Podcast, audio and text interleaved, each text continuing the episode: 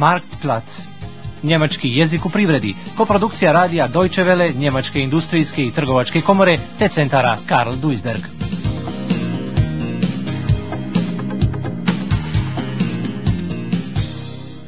Dvadeset peta lekcija. Njemačka privredna predstavništva u inostranstvu.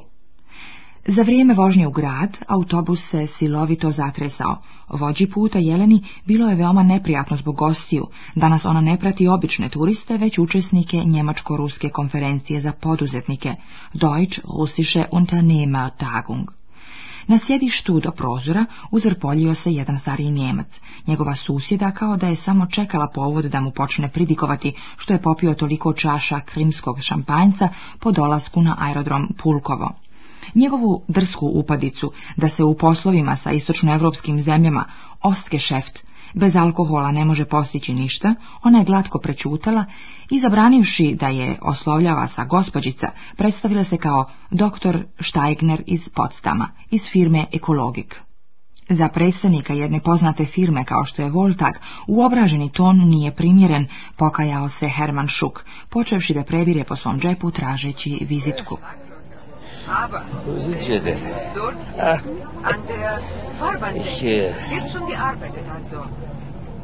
Was? Von Petersburg nach Hannover. Ich. Ich. Äh, ich. muss wohl eingeschlafen sein. Kein Wunder. Sie haben es sicher auch richtig gegeben. Was, äh, was meinen Sie? Wie, wieso gegeben? Naja, fünf oder sechs Gläser Krimskoje zum Empfang auf dem Flughafen Pulkovo. Im Flugzeug wurde ja auch schon Alkohol serviert.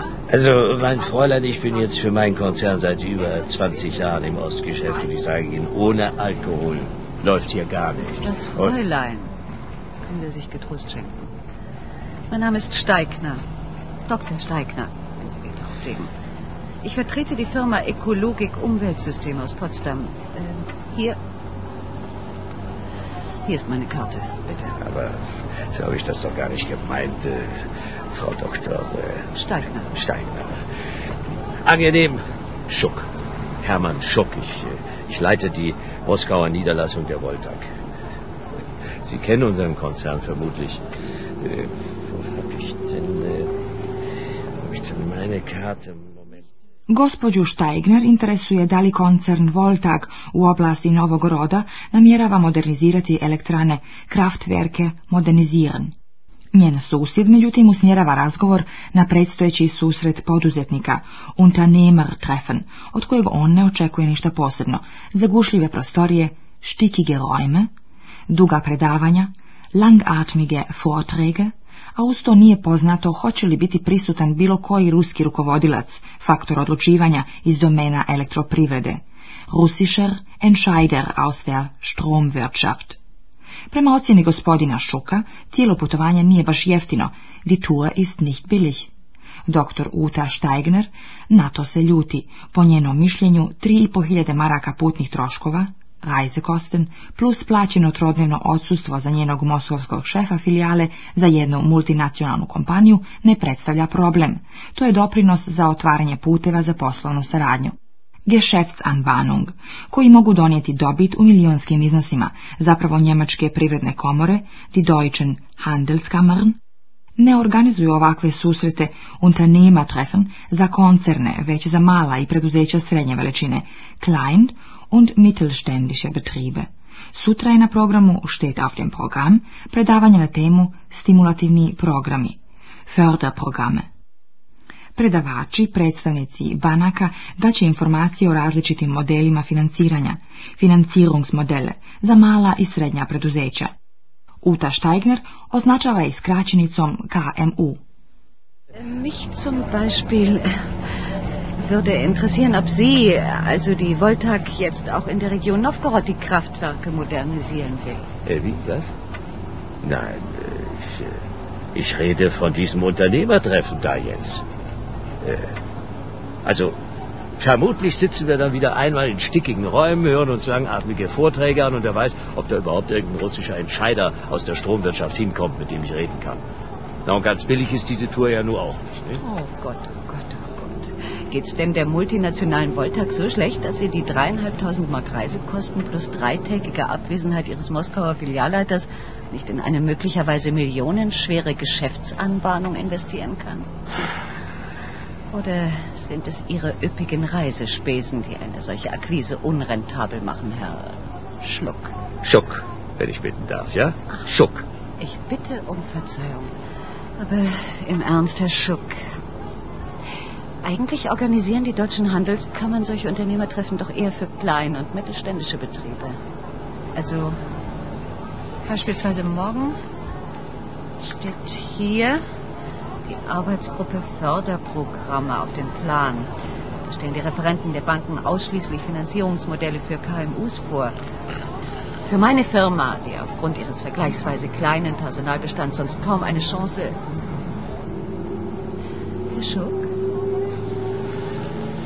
Herr Schuck? Uta Štajgner je u pravu. Na susretu poduzetnika u rodu ona će za svoju malu firmu prikupiti važne informacije. Po mogućnosti njoj će čak poći za rukom da uspostavi saradnju sa ruskim partnerima.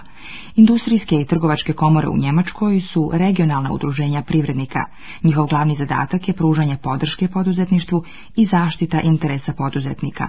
1894. godine, dakle prije više od stotinu godina, osnovana je u Briselu prva njemačka privredna komora u inostranstvu. Danas je to mreža koja obuhvata njemačka privredna predstavništva u 70 z različitih stranih zemalja. Predstavništva se uglavnom finansiraju novcem iz članarine za usluge, koje ona nude njemačkim i stranim firmama. O kakvim je uslugama riječ? Radi se o organizaciji konferencija privrednika, posredovanju poslovnih veza, sastavljanju publikacija sa informacijama o stanju privrede dotične zemlje, organizovanju savjetovanja za privatne poduzetnike i menadžere, kongresa i simpozijuma, osiguravanje učešće na izložbama i sajmovima, pomoć za usavršavanje kvalifikovanog osoblja na terenu. Dobit ostvarena prodajom nabrojanih usluga djelatnosti naravno da ne pokriva sve izdatke njemačkih trgovačkih predstavništava u inostranstvu. Kao organizacije od društvene koristi, one dio sredstava dobijaju iz državnog budžeta. Stup trgovačkih predstavništava u inostranstvu predstavljaju 83 industrijske i trgovačke komore u Njemačkoj, kao i njihova krovna organizacija organizacija Skupština njemačke industrije i trgovine, te Deutsche Industrie und Handelstag, skraćeno DIHT. Sva preduzeća moraju uplaćivati članarinu u ovu organizaciju neovisno od toga da li se koriste njenim uslugama ili ne. U ovom kontekstu Gerd Kaldrak spominje inženjerski ured Grebna u Bonu. Po njegovom mišljenju njemački i srednji sloj poduzetnika nema novaca, der Deutsche Mittelstand hat nicht das Geld. za financiranje skupih manifestacija, kostenintensive Veranstaltungen, koje ne donose konkretne rezultate. Der deutsche Mittelstand, und das ist das Dilemma derzeitig, äh, hat im Grunde nicht äh, das Geld, ich sag mal das Monopoly-Geld oder das Spielgeld, um äh, an solchen kostenintensiven Veranstaltungen mehrfach teilzunehmen, ohne dass konkret unter dem Strich äh, etwas herauskommt. U međuvremenu, susret njemačkih i ruskih poduzetnika u Novogrodu već je počeo. Pratilac i prevodilac Jelena pomaže učesnicima Tajlnema da se orijentišu. Pored štandova na kojima su prezentirane firme, štende mit den Firmenpräsentationen, može se poslužiti i kolačima, kafom ili čajem. Kuchen, kafe und tee. Organizatorima konferencije, Konferenzleitung, mogu se predati kartice sa željama za uspostavljanje određenih poslovnih kontakata.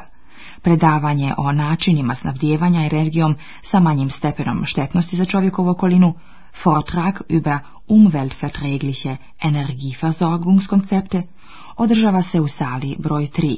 Uta Steigner je u punoj formi, za razliku od nje Herman Šuk je potpuno dotučen, ili cijelu noć nije spavao, ili mu poslovi idu loše.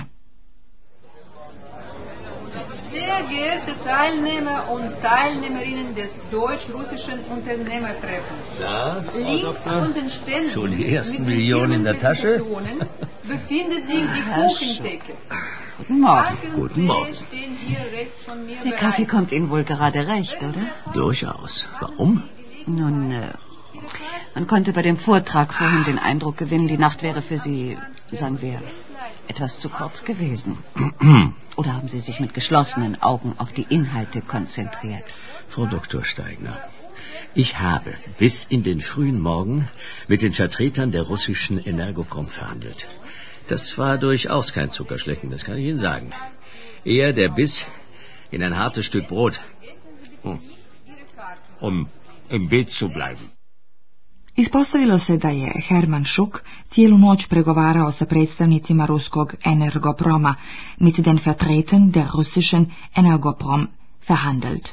Uta Štajgner je sumnjičava prema pregovorima koji se odvijaju uz piće i visoke cehove, pa ipak izgleda da naši poznanici, svako na svoj način, znaju šta žele postići. Njemačka privredna predstavništva u inostranstvu djeluju u dva pravca. S jedne strane oni stimuliraju razvoj njemačkih preduzeća u inostranstvu, s druge strane pomažu rad stranih firmi u Njemačkoj. Ovakva poslovna politika zasniva se na ubjeđenju o prednostima slobodne trgovine, kao i na elementarnom saznanju da firme koje namjeravaju prodavati moraju i kupovati. Mnoga njemačka preduzeća, koja na svjetskom tržištu prodaju svoje proizvode, istovremeno su i uvoznici repromaterijala. Karin Rau vodi odjel za reprezentaciju njemačkog privrednog predstavništva u Kijevu. Svoj osnovni zadatak ona vidi u uspostavljanju mostova i ostvarivanju kontakata. Moj posao je uspostavljanje mostova. Brücken, schlagen. Das ist mein Job. poslovni kontakti su ipak u prvoj liniji međuljudski kontakti, zwischenmenschliche Kontakte. Natürlich äh, ist es nicht immer einfach, diese Brücken zu finden und diese Brücken zu schlagen, aber ich denke, das ist mein Job. Irgendwie die Brücke zu finden zu den anderen Ufer, zu dem anderen Unternehmern oder zu dem anderen Unternehmer. Und ich glaube, die Brücke, die ist immer der menschliche Kontakt. dieser zwischenmenschliche Kontakt, dieser Funke, der irgendwo überspringt. Njemačkim poduzetnicima koji žele saradnju sa ukrajinskim, Karin Rao, svršena pravnica, izričito savjetuje da stalno imaju na umu da se zakonski osiguraju, juristische Absicherung, da sklapaju uredne ugovore, ordentliche Verträge i da ne pokušavaju zaobići zakone te zemlje, die Rechte dieses Landes nicht umgehen. Zaobići ih lako je, upozorava gospođa Rao, ali onda ništa od posla. Nećete napraviti posao. Sie werden kein Geschäft machen. Ich sage immer den deutschen Unternehmern, bitte nach allen Seiten sichern. Und da ich ein Anwalt bin, sage ich immer, bitte nehmen Sie bei all dem konkret die juristische Sicherung vor. Machen Sie einen ordentlichen Vertrag, umgehen Sie nicht die Rechte dieses Landes. Diese sind sehr leicht zu umgehen. Tun Sie dieses nicht, dann werden Sie kein Geschäft machen. Schnelle Geschäfte sind kurze Geschäfte. Machen Sie ein Geschäft von Dauer. Bleiben Sie rechtssicher. Sve je to tačno, ali u praksi njemačkim poduzetnicima u istočnoj Europi nije potrebna samo pravna zaštita. Šta poduzeti kada se u predstavništvu pojave posjetioci u crnim odijelima širokih ramena, koji se najprije raspituju o uspjehu firme, hvale prednosti tržišne privrede, a onda ti nedvosmisleno počnu davati do znanja da je biznis opasna stvar i da su oni spremni da se brinu o tvojoj bezbjednosti, razumije se, uz izvjesnu nadoknadu. Jesko Ozar, član delegacije koja zastupa njemačku privredu u Moskvi, tvrdi da se 80% svih stranih firmi ucijenjuje. 80% der ausländischen Firmen werden erpresst, ali da sve ne plaćaju danak. Na činjenicu da postoji iznuđivanje novca, Schutzgeld erpressen, poslovni ljudi gledaju prilično opušteno, lokazen. Oni prihvataju iznuđivanje novca kao izdatak za sobstvenu sigurnost, als Ausgabe für die eigene Sicherheit. Ova pojava poznata nam je iz mnogih drugih zemalja na svijetu. Viele Länder auf der Welt podvlači jesko oza. Man sagt also, dass in der Regel ungefähr 80 Prozent aller ausländischen Firmen, ich möchte jetzt nicht auf eine Nation mich beschränken, erpresst werden. Es ist aber ganz und gar nicht so, dass von diesen 80 Prozent wiederum alle bezahlen, sondern nur ein Teil. Äh, das Schutzgeld erpressen, das wird von den meisten Firmen sehr locker gesehen und zwar einfach in der Form, dass man es akzeptiert. Man akzeptiert es als Ausgabe für die eigene Sicherheit, die gewährleistet ist.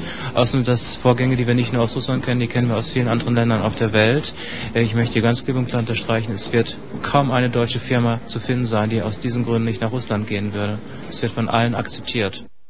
Na banketu povodom uspješnog okončanja susreta njemačkih i ruskih poduzetnika u Novogrodu, Herman Šuk, veoma zadovoljan sklopljenim poslovima, ponovno susreće gospođu Utu Štajgner, prethodno skoro usmjerenu samo na posao, nije mogao prepoznati. Pojavila se u šarenoj ljetnoj haljenici i sa flašom šampanjca. in bunten Sommerkleid und mit einer Flasche Sekt. Kommen Sie. Gaspar, den Michael und seine Frau Svetlana sitzen auch an unserem Tisch. Ich stelle sie Ihnen gern vor und vielleicht fordern Sie dann erstmal seine Frau zum Tanzen auf.